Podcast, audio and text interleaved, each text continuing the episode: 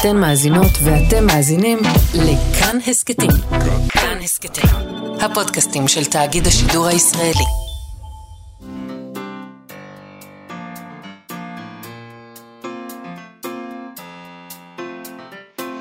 מה שכרוך עם יובל אביבי ומה יעשה לה.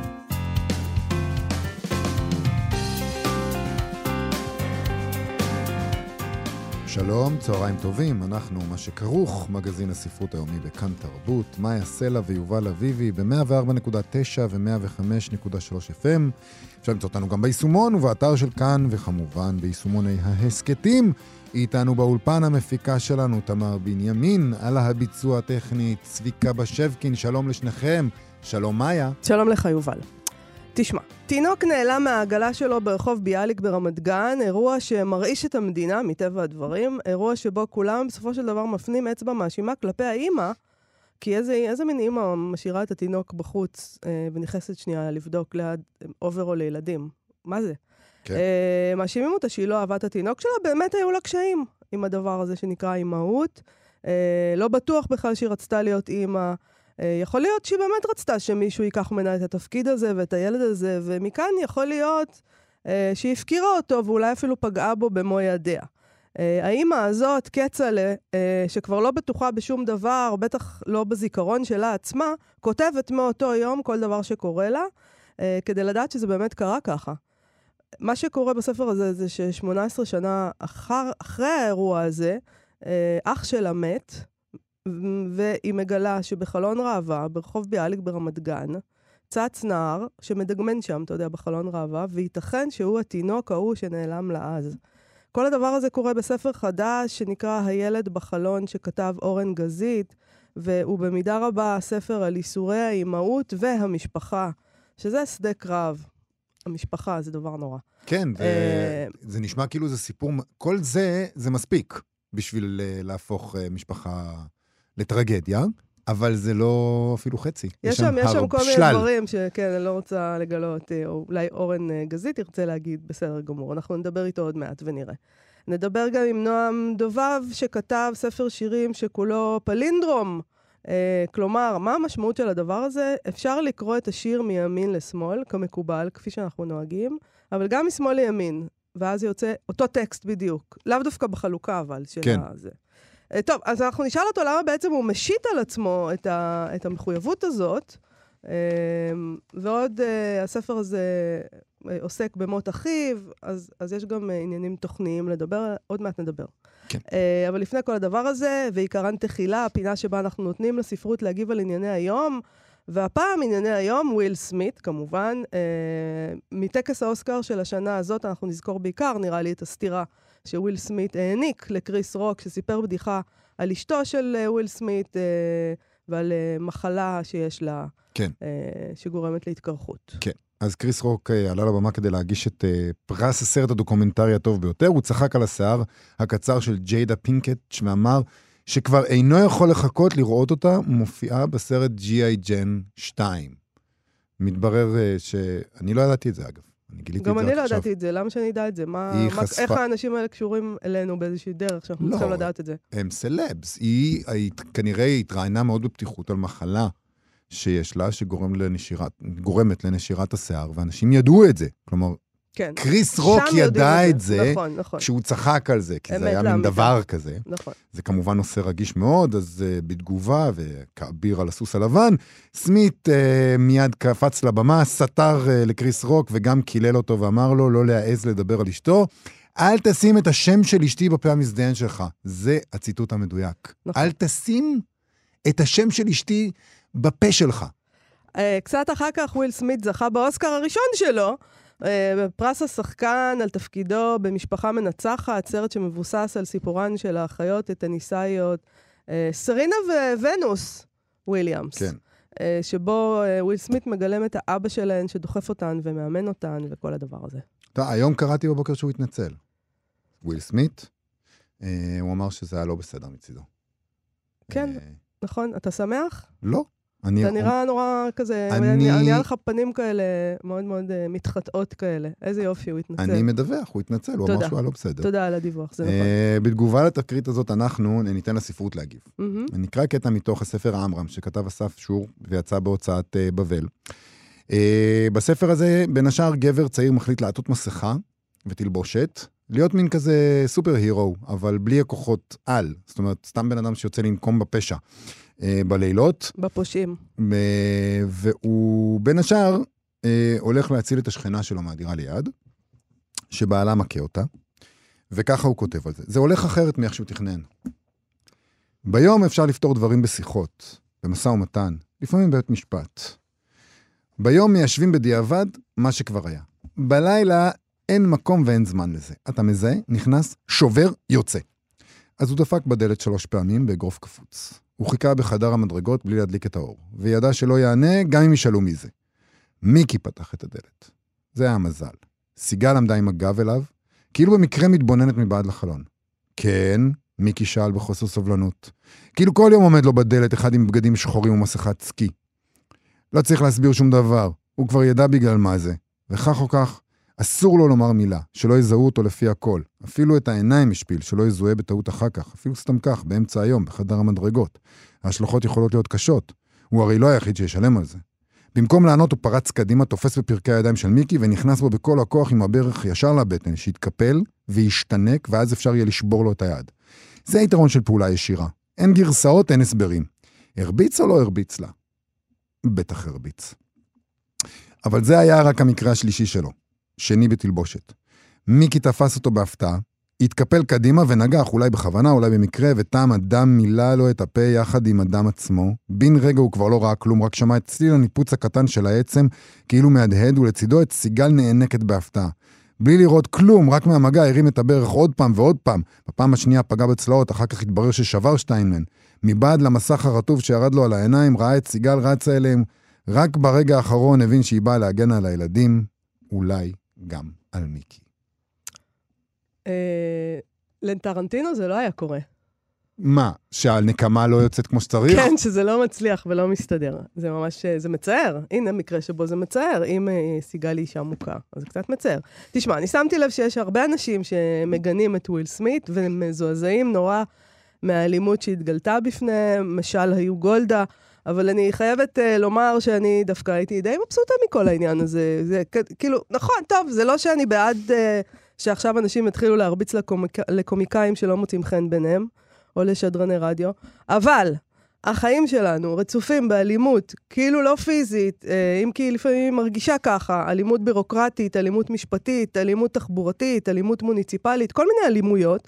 ואנחנו מצווים פשוט לשבת ולספוג את זה, וללבוש את הגלימה המעודנת של התרבותיות שמתנגדת לאלימות, כי ככה לא מתנהגים, ולא להשתמש במחבט בייסבול, כמו שמתחשק לנו. אה, ולכן, אני חייבת להגיד שכשמישהו כן משתמש במחבט הב- הבייסבול שלו, אז יש בזה משהו נפלא ומשחרר. אה, וגם, אתה יודע, יש את התחושה הזאת שאין צדק ואין אמת, וזה, אז, אז, יש, אז יש סטירת לחי, יש אלימות כזאת פומבית. אה, אה, יש אלימות בלצחוק על אדם שיש לו מחלה, נכון? ובגלל זה הוא קרח. זה אלים. אז, אז הנה, הייתה אלימות והייתה תשובה לאלימות. אה, זו תשובה שיש בה קצת שמחה וצדק, כמו אצל עמרם הנוקם בגבר המכה, אם זה היה מצליח. וכמו אצל טרנטינו, זה בדיוק מה שהוא עושה. אה, משחרר קצת את היצרים ואת הצורך הלא תרבותי שלנו, מה לעשות, בנקמה. זה מעניין שאת אומרת ששמת לב שיש המון אנשים שמגנים את וויל סמית ומזועזעים, מהמם. כיוון שתאורטית היית חושבת שזה זה, זה ברור שיגנו ויזדעזעו בעידן שבו אנחנו חיים, נכון? של גבריות רעילה ואלימות וכולי וכולי. אני שמתי לב שיש המון המון אנשים, גם גברים וגם נשים, שלא מזדעזעים דווקא. אוקיי. ומביעים בדיוק את העמדה שאת מביעה. אה, אוקיי. שזה- ואז, ומה זה אומר לך? זה אומר ש... קודם כל, שזה אולי אנחנו לא... אולי להיות, להיות בעד זה, זה גם לא כל כך, אה, כל כך, כל כך מפתיע, או כל כך, כל כך מחוץ לספקטרום של השיח שלנו יותר. לא. הרבה מאוד אנשים כתבו אה, בפייסבוק ובמקומות אחרים, שכן, כן, כן, מה קרה? אם מישהו ידבר ככה על אשתי, גם אבל אני להיות אעשה את מפתיע זה. זה לא המטרה, אלא אם כן יש לך איזו עמדה מפתיעה עכשיו, כלומר, להיות מפתיע זה אין לא עמדה העניין. מפתיעה, אתה יכול להיות או בעד זה, לא או יודעת, נגד לא, זה, יכולה לשתי להיות לך עמדות. איזו עמדה מקורית, שעכשיו אנחנו, בוא עמדות. נשמע אותה. לשתי העמדות, לא, אין, אתה יכול להיות או... אני מאוד מאוד מופתעת מהזעזוע של אנשים מהדבר הזה שקרה. כלומר, זה מאוד הוא- מאוד מפתיע, שלא לדבר על זה שאתה יודע, הוליווד מביאה לנו המון המון אלימות על המסך. כן. אז פתאום כשיש אלימות קלה, בוא נגיד, בטקס, כולם נורא נורא בהלם. ואתם הבאתם לנו את זה. אלה אנשים שהכל מחושב לפרטי הפרטים בכל צעד שהם עושים בציבוריות. אה, יש להם יחצן אישי שמלווה אותם ואומר להם מה כן ומה לא לעשות. בטקס האוסקר עצמו, הכל מופק על המילימטר. וכתוב על המילימטר. וויל סמית כבר נכון. 30 שנה כוכב על ברמה שהוא יודע שכל דבר מצולם ומדוקדק והכל אצלו על התפר, אולי אחי. זה גם היה מחושב על המילימטר.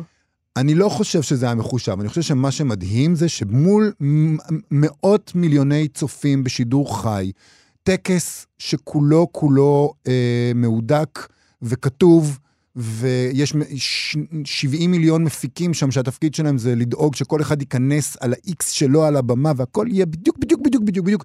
פתאום שם פורצת האלימות, האנשים האלה שהכל כל כך כל כך ברור להם איך צריך לעשות, וכל הזמן מסבירים להם שהם צריכים להיראות בצורה מסוימת, שם זה מתפרץ, אתה אומר לעצמך, אוקיי, אוקיי, וויל סמית כנראה לא היה יכול להכיל את זה, משהו פקע בו בצורה בלתי...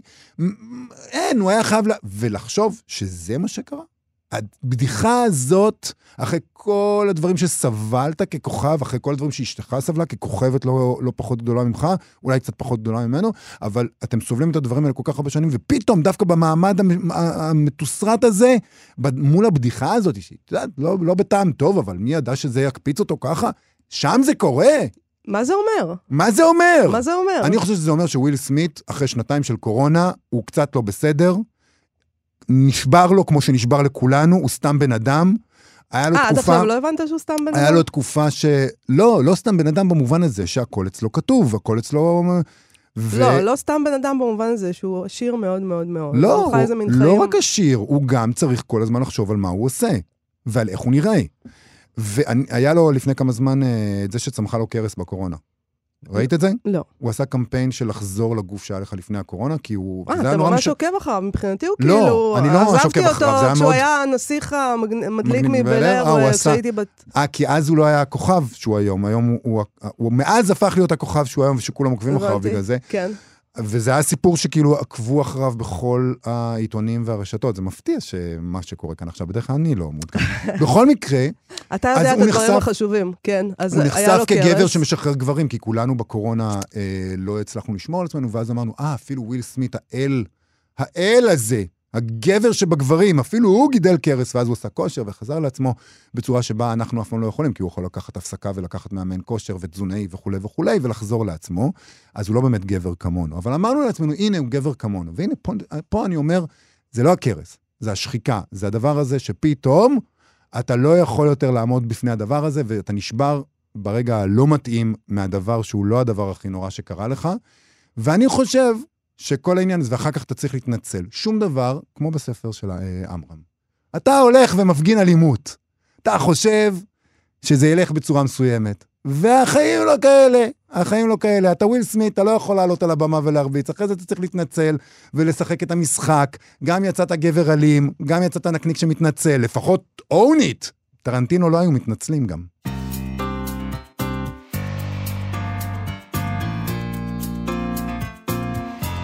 הספר הילד אה, שבחלון נפתח במוות, המוות של אורי, אחיה של כצל'ה, גיבורת הספר. אבל עוד קודם לכן כבר מוצגת בו השנאה לכצל'ה. הרבה מאוד שנים אני לא עונה למספרים שאני לא מזהה. בהתחלה אלה היו נשים שצעקו עליי ממספרים חסומים, תמותי, או הלוואי שתשרפי. אחר כך, כשהבושה נעלמה מהארץ, הן אפילו לא ניסו להסתתר. הן צלצלו לקלל אותי מהבתים שלהן, ממקומות העבודה, מהניידים של הילדים שלהן. הרבה מאוד פעמים החלפתי את מספר הנייד. לפני חמש שנים החלפתי גם את השם שלי. השנאה הזו לכצל'ה מקורה בילד שלה, שנעלם בהיותו תינוק מהעגלה שלו.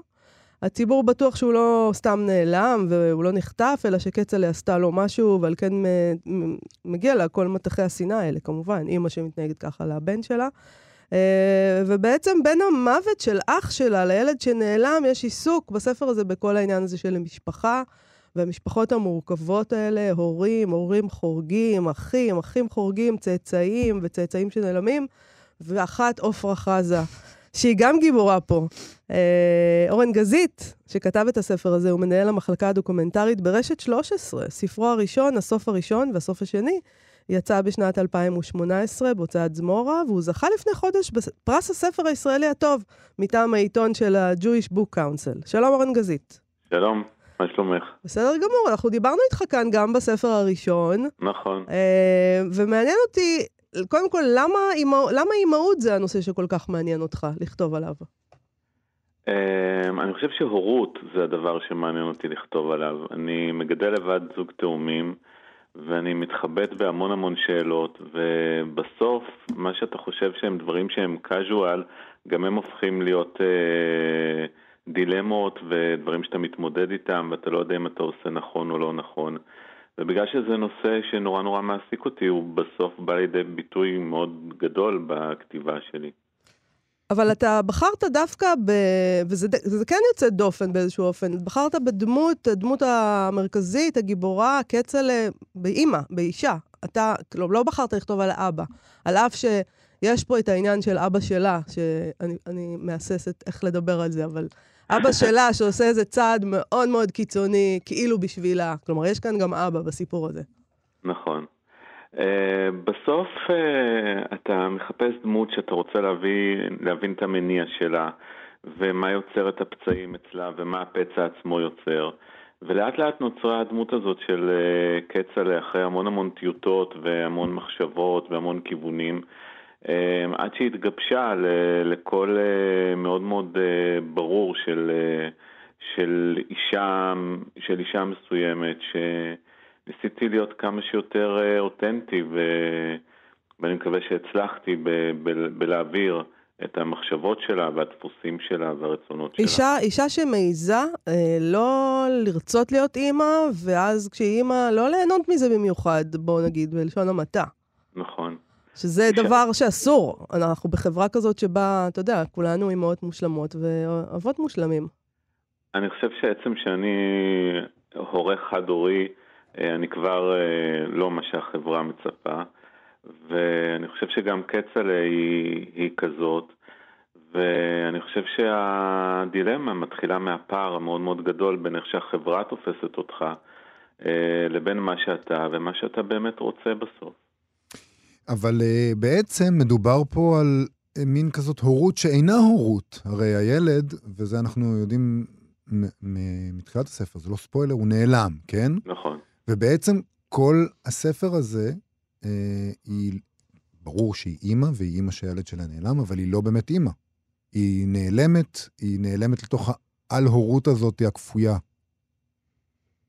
נכון, היא לא באמת אה, אימא שמגדלת ילד, אבל עצם ההיעלמות של הילד הגדירה את האימהות שלה, ומאז היא חייבת להיות האימא שלו, גם, זה גם מה שהדמות אומרת. וההורות לדמות נעלמת היא לפעמים חזקה יותר מהורות לדמות קיימת, אה, מפני שהיא מצפים ממנה גם, גם היא עצמה מתעסקת בחוסר הזה ובמה היה אם. וגם האנשים מסביב מצפים ממנה לא לשכוח ולה... את, את זה שהיא אימא של, של אותו ילד שנעלם. זאת הורות קשה מאוד. אני רוצה לשאול אותך על הכתיבה. הגיבורה שלך כותבת כל הזמן, נכון. אמ, כי היא מפחדת שהיא לא זוכרת, ולאורך הספר אנחנו לאט לאט מבינים שכל מה שאנחנו מקבלים כעדות על העבר ואפילו על ההווה מצד כל מיני דמויות, לא רק מצידה, אנחנו צריכים להתייחס לזה בהרבה מאוד חשדנות, לא ברור. מי נכון. זוכר, מי לא זוכר, מי משקר, מי לא משקר. ואני חושב שאולי אולי זה בעצם ספר על יצירה, זה בעצם ספר גם על כתיבה, זה בעצם ספר על נרטיבים. אמ, ונגיד אה, אח של הגיבורה שלך, אורי, כל הזמן, כש, כשמגיעה אימא החורגת לחייהם בעודם ילדים, הוא כל הזמן מספר סיפורים עליה. סיפורים שנשמעים כאילו סיפורים מספר אמיתיים. לה סיפורים. מספר לכצל'ה כן. על האימא החורגת שלהם כל מיני סיפורים, על הקיר... שהיא הייתה בקרקס וכל מיני דברים שקראו לה, לכאורה אמיתיים, שנועדו ככה איכשהו לבלוע את הגלולה המרה של האימהות שנכפתה עליהם, האימהות הזרה הזאת. זאת אומרת, השילוב הזה של איזה חיים אנחנו מנהלים, איזה הורים אנחנו, איזה הורים היו לנו, ביחד עם הכתיבה והבידיון ויצירת הנרטיב, שלובים בכמה רבדים פה בספר. אני, אני מסכים איתך, אני גם חושב שכצל'ה כותבת קודם כל כדי שיהיה לה אליבי, וקודם כל כדי שהיא תוכל לחיות עם הסיפור שהיא מספרת לעצמה. והסיפור הזה הוא משתנה, הסיפור הזה הוא, הוא סיפור שהוא פלואידי גם uh, ככל שהזמן עובר וגם מול מערכות היחסים שלה עם uh, אנשים אחרים.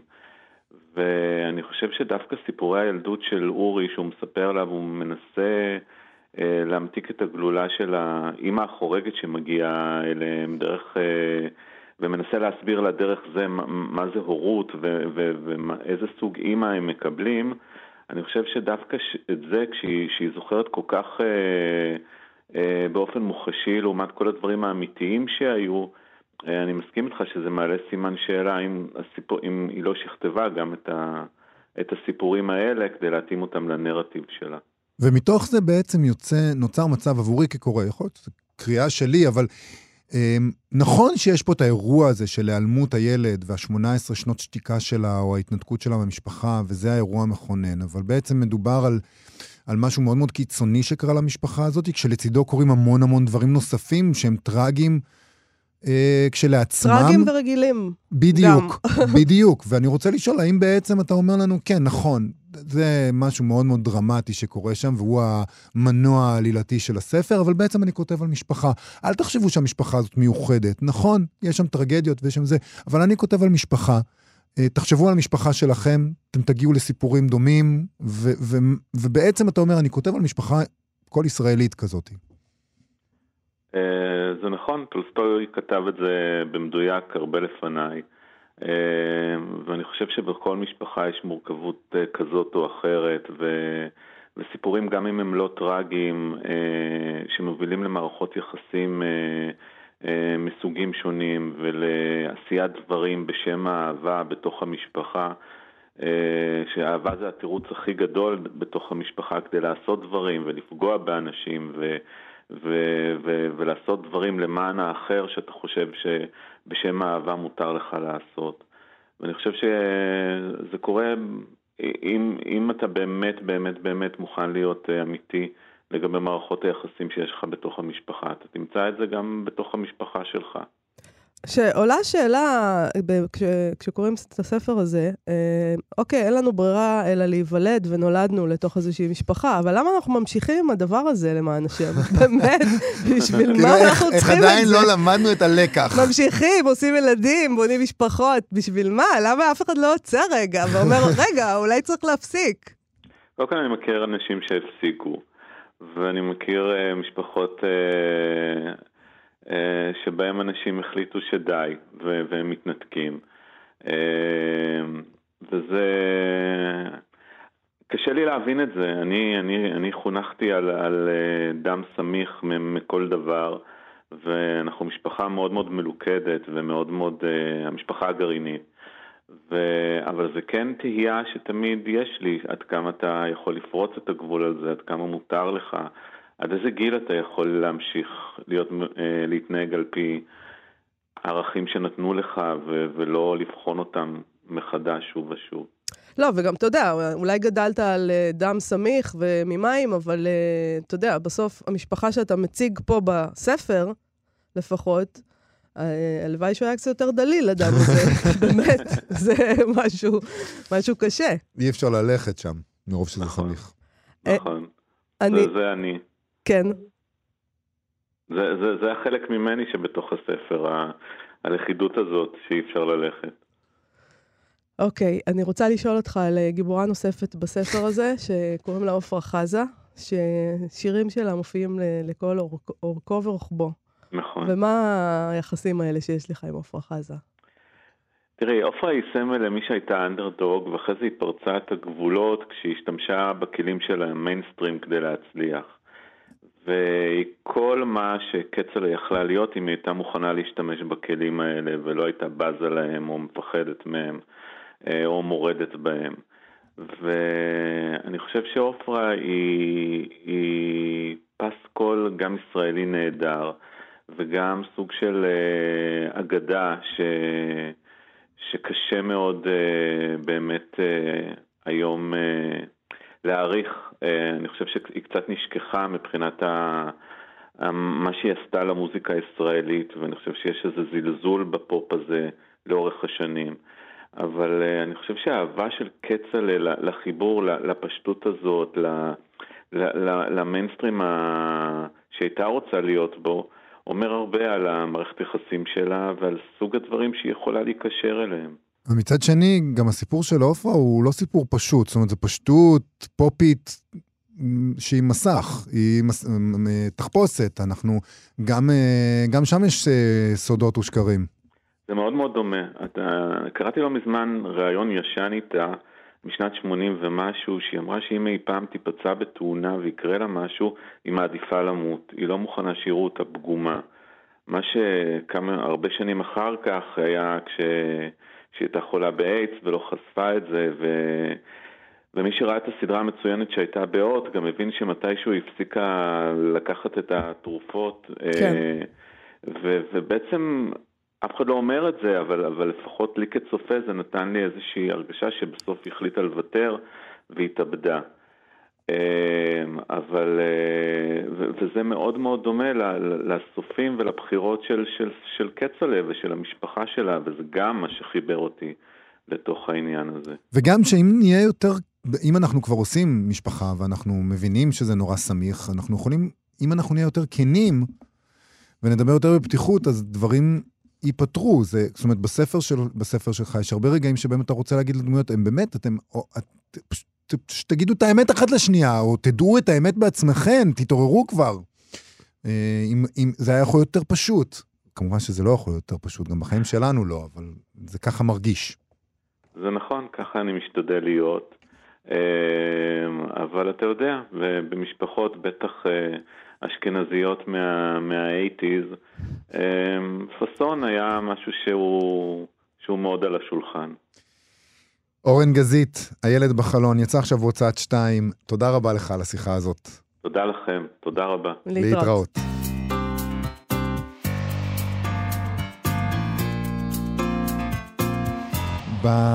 בספר כשחשך של נועם דובב יש שיר שנקרא חומת מוח, וככה הוא הולך. קיר חומה. מול המהלומה, מוח ריק. עכשיו, את השיר הזה, כמו כל השירים בספר, אפשר לקרוא מימין אה, לשמאל, כפי שאנחנו רגילים, אבל גם משמאל לימין.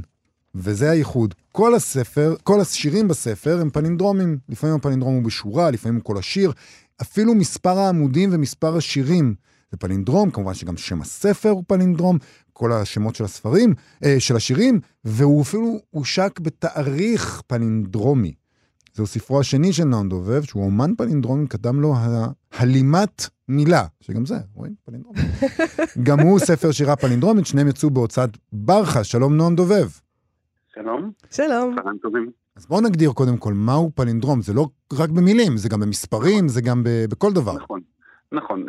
פלינדרום הוא איזושהי צורה של אה, סימטריה, אמ, שבעצם אה, אה, ספציפית פלינדרום ניתן למצוא בטקסטים כמו משפטים, שירים, סיפורים, וגם בצורות אחרות כמו במתמטיקה, יש מספרים אה, פלינדרומים יש במוזיקה, יש מוזיקה שהיא פלינדרומית, ויש גם אה, ב-DNA, אה, בעריכת גנים, מה שנקרא קריספר, ובכרומוזום Y וכולי, mm. יש את זה בהרבה, בהרבה מקומות. באמת? יש לנו בגנים את זה? כן, כן. וזה הופך אותם, זה, זה, מה זה עושה לגנים? ויש לזה איזה משמעות? כן, מה המשמעות? כן, יש, יש לזה משמעות, בעצם זה, זה עוזר לתקן מוטציות פגומות. רצפים של אה, פלינדרומים. מדהים. אז, אבל מה, מה ההיקסמות שלך מהדבר הזה? אה, כאילו, והאם אתה, כשקראתי את הספר אמרתי, וואו, הוא בטח רואה ככה את העולם באיזשהו אופן, קדימה ואחורה. במטריצה. כן. זה נכון? כן. זה, זה נכון במידה רבה. Uh, הקסם מבחינתי זה קודם כל שיש uh, מסגרת ברורה, יש, uh, יש חוקים שאני יכול לשחק איתם, והם חוקים נוקשים, ו, ופה, ופה זה מגרש המשחקים שלי, ו, ו, ו, זה משהו שעם השנים אה, פיתחתי מיומנות. מעבר לזה שפלינדרום כסימטריה אה, זה משהו שמושך, יש כל מיני מחקרים שמראים שאנשים אה, נמשכים לסימטריה, למשל בתווי פנים, ככל שתווי הפנים יותר סימטריים, אז אנשים מדרגים אנשים שיש להם תווי פנים כאלה סימטריים כמושכים יותר, ואז, אז אני חושב שזה משהו שבעיניי מוצא חן שקדימה ואחורה אפשר אה, לקחת את זה אה, לשני, לשני הכיוונים, וזה באמת אה, אנלוגי גם בחיים, את יודעת, במידה רבה יש משהו בתחילת החיים שדומה לסוף החיים, כאשר נולד תינוק, אז הוא חסר אונים ותלוי בהורים שלו, ולפעמים גם בזקנה הולכות היכולות הקוגניטיביות ומידרדרות, ואנשים נעשים לפעמים גם, לא עלינו, תלויים בסביבתם, כך שאפשר לראות גם את החיים במידה מסוימת בצורה כזאת פלינדרומית. בעיניי. עכשיו אם אנחנו נכנסים לשירה ולא רק במציאות, מה, הרי, הרי זה, זה סד נורא נורא קשה על השירה, לכאורה. כן, אני בכלל לא מבינה עכשיו. לכאורה אני רוצה להגיד. למה לכאורה? סד, כי נגיד כשאתה כותב מחזה, או כשאתה כן. עושה סרט, ואתה כותב תסריט שכולו בתוך ארבעה קירות, נכון, זה נורא מגביל, אבל מצד שני, זה מאוד מאוד משחרר, זה הופך את החוקים למאוד מאוד ברורים, ואתה לא יכול לצאת. מבחינת תקציב זה... לפחות. מבחינת תקציב אה, זה מאוד עוזר, נכון. כן. בשירה זה פחות משנה התקציב, כי ממילא אנחנו במינוס, אבל, אה, אבל אני רוצה לשאול באמת, מה זה יותר, זה, זה, מה זה עושה לשירה? זה יותר קשה? זה יותר מקל? מה, מה זה עושה? אמ, אני, אני חושב שיש בזה גם מזה וגם מזה. אמ, אני מאוד מתחבר לדברים שלך. אני חושב שהסד עצמו, מבחינתי, במידה רבה הרבה יותר משחרר. אמ, אני מוצא שאני יכול אה, אה, להתבטא בשירה בצורה יותר אה, מדויקת מבחינתי, כאשר אני לא יכול לעשות את זה באותו אופן בצורה חופשית נקרא לזה כך. וזה איזושהי מיומנות ששכללתי ואני מרגיש שזה הזון שלי ואני שולט בזה בצורה טובה מבחינתי, ו, ולכן אה, זה כבר, זה כבר זורם מעצמו, אה, באמת אני רואה משפטים בצורה פלינדרומית, אני, אני חושב בצורה פלינדרומית, ו, ו, ופשוט הרבה פעמים אני מרגיש שאני יותר מאשר יוצר, אני מגלה, זאת אומרת יש תבניות, ו, ויש לי איזה שהם חיישנים כמו תחנת ממסר כזאת, שאני קולט את התבניות האלה שאנשים אחרים אולי פחות ערים להם. אה, ופשוט אה, אני, אני משחק עם זה, עושה עם זה משהו. והספר הזה מתעסק אה, במידה רבה, אם נדבר רגע על התוכן שלו, בפרידה מאח שלך הצעיר. ואוקיי, אולי לפני שנדבר על זה ממש, תקרא שיר אחד ואז נדבר על זה. אוקיי. אני אקרא את השיר רץ, עוז ועצר. בבקשה. רץ, עמד, נפל, חלם, קם, חלה, לחם, כמל, חלף, נדם, עצר. עכשיו, במידה רבה זו שירה שצריך פשוט גם לראות אותה כדי להבין את, נכון, ה... את זה שזה... נכון. אמ, באמת אה, בצד הוויזואלי, מכיוון שהחוש ראייה שלנו הוא הרבה יותר דומיננטי מחוש השמע, אז קל אה, להבחין בפלינדרום, ולכן כשאני אה, מופיע נגיד בערבי שירה, אני משתמש במצגת, במקרן, כדי להמחיש את הפלינדרום, ובאודיו, בשמיעה, זה פחות עובר, כי אנשים מתקשים לקלוט את ה, בשמיעה את הפלינדרומיות. אבל אפשר, אני מקווה להתרשם גם מהשיר כשלעצמו, מלבד, מלבד החלק הפלינדרומי. אז זהו, נגיד, כשאנחנו יודעים את מה שמאיה דיברה עליו לפני שקראת את השיר על אחיך, אז כשאנחנו קוראים את הדברים האלה, זה נטען כמובן במשמעות, אבל כשאנחנו קוראים את השירים, לפעמים הם טעונים במשמעות כשלעצמם. אתה קורא את הדברים, למשל השיר שאני קראתי בהתחלה, קיר חומה מול המהלומה, מוח ריק, אתה אומר, אוקיי, בסדר, אבל לפעמים הסד הזה של הפלינדרום, אה, יוצר משמעות של נון סנס, במובן של, לא במובן של שטויות, אלא במובן שאתה אומר, אוקיי, אני, אני, זה, זה, זה לשם הפלינדרום ולא לשם המשמעות. אז אתה מסכים עם זה שזה לפעמים הולך לכיוון של פחות משמעות? Um, אני חושב ש... Um, אני, אני רוצה להאמין ש...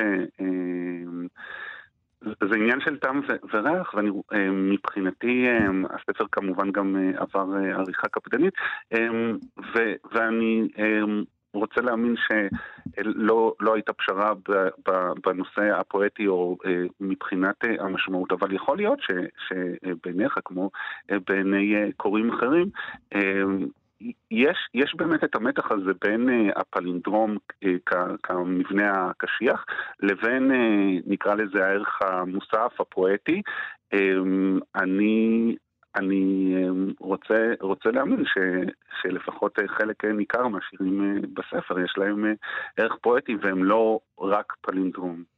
אה, לא צריך גם לבטל את, ה, את הרעיון הנפלא שנקרא נונסנס או משחקיות. בהחלט. אבל בסדר, לא. אפשר לשחק. בטח. נועם, אני רוצה לשאול אותך, לא בא לך לפעמים להשיל מעליך את כל החוקים האלה, להשתולל ולכתוב שיר שאין בו שום חוקים בכלל בכלל? אמ,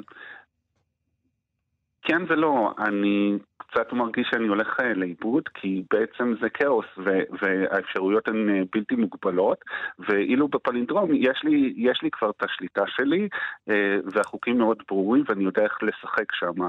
כאשר אין חוקים והכל פרוץ במרכאות, אני מוצא את זה יותר, יותר קשה מבחינתי, ואני גם מרגיש פחות... פחות שיש לי מה להציע, ובתחום שלי אני יותר אה, ייחודי, ו, ואין אה, לי אה, ממש בארץ מתחרים, ו, ו, וככה ש, משוררים שכותבים באופן חופשי, יש לא מעט, ואני לא חושב שאני יכול להיות טוב כמותם. אני רוצה לשאול, איך מחליטים איך שיר פלינדרומי הוא טוב? אני מניח שיש לא מעט שירים שכתבת ולא נכללו בספר. כלומר, כן. אתה כותב ואתה אומר, זה טוב, זה לא טוב, זה מעניק את המשמעות שאני רוצה כן. וזה לא. איך מחליטים? מה כן. הקריטריון?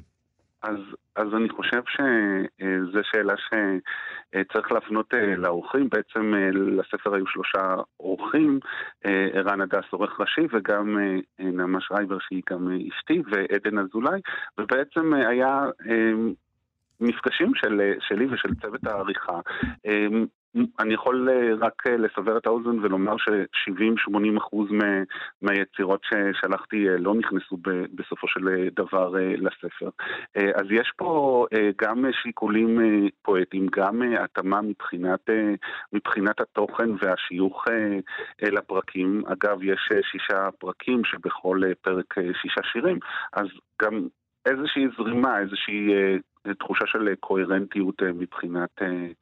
מבחינת אה, הרצף אה, בפרק, בספר. כשח... סליחה, כשחשך, נועם דובב, ספר שירה פלינדרומי, יצא עכשיו בהוצאת ברחש. תודה רבה לך על השיחה הזאת. תודה לכם. תודה, להתראות. להתראות.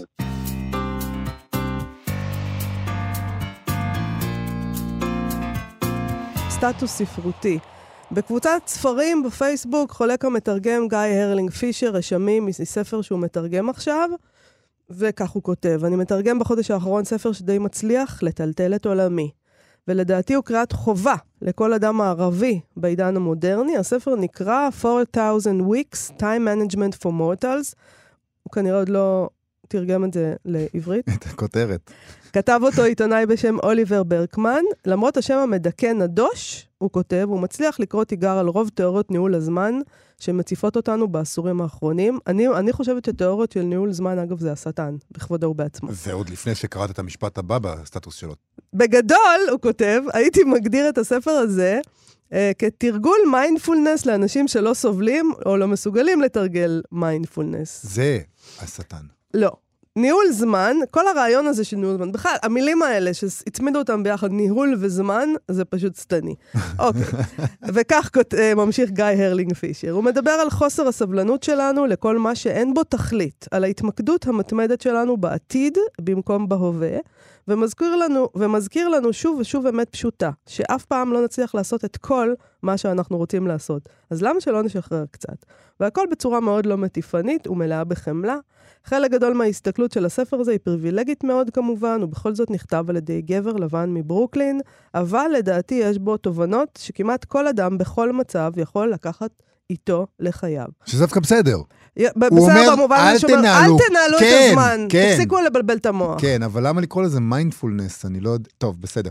אל תנהלו את הזמן, זה משהו לא שאני קוראים יכול... לזה מיינדפולנס, קוראים לזה 4,000 weeks, לא, time management הוא הגדיר את זה for. תרגול מיינדפולנס, אה, אנשים שלא... בסדר. בסדר, אה, בכל מקרה, אה, לא לנהל את הזמן זה ציווי שאני יכול אה, להתחבר אליו. אתה הכי בן אדם שמנהל את הזמן. בדמיון שלי, כמובן, אני מתכוונת. אני יכול להיות שככה זה נראה מבחוץ, בפנים כאוס, אני מרגיש שאני עושה הכל כל הזמן. זה מה שאני מרגיש שאני עושה. הוא ממשיך וכותב על הספר הזה ככה, כמעט כל יום אני מוצא בספר הזה משפט או פסקה ראויים לציטוט, אבל היום מצאתי אחד שאני חייב לצטט כאן, בקבוצה הזאת, קבוצת ספרים כאמור.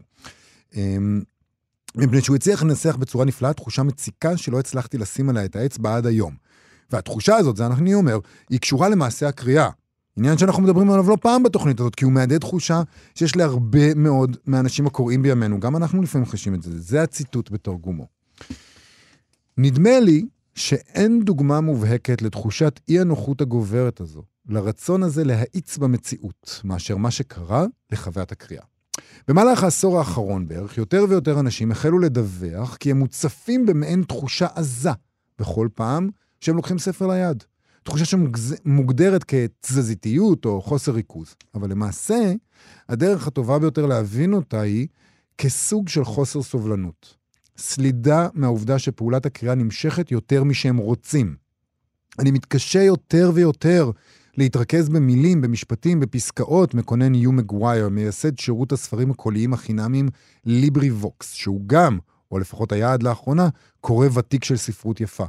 בטח, זה שוב הציטוט של יו מגווייר, בטח שלא פרקים. בפרקים יש בדרך כלל עוד ועוד עמודים מלאים בפסקאות.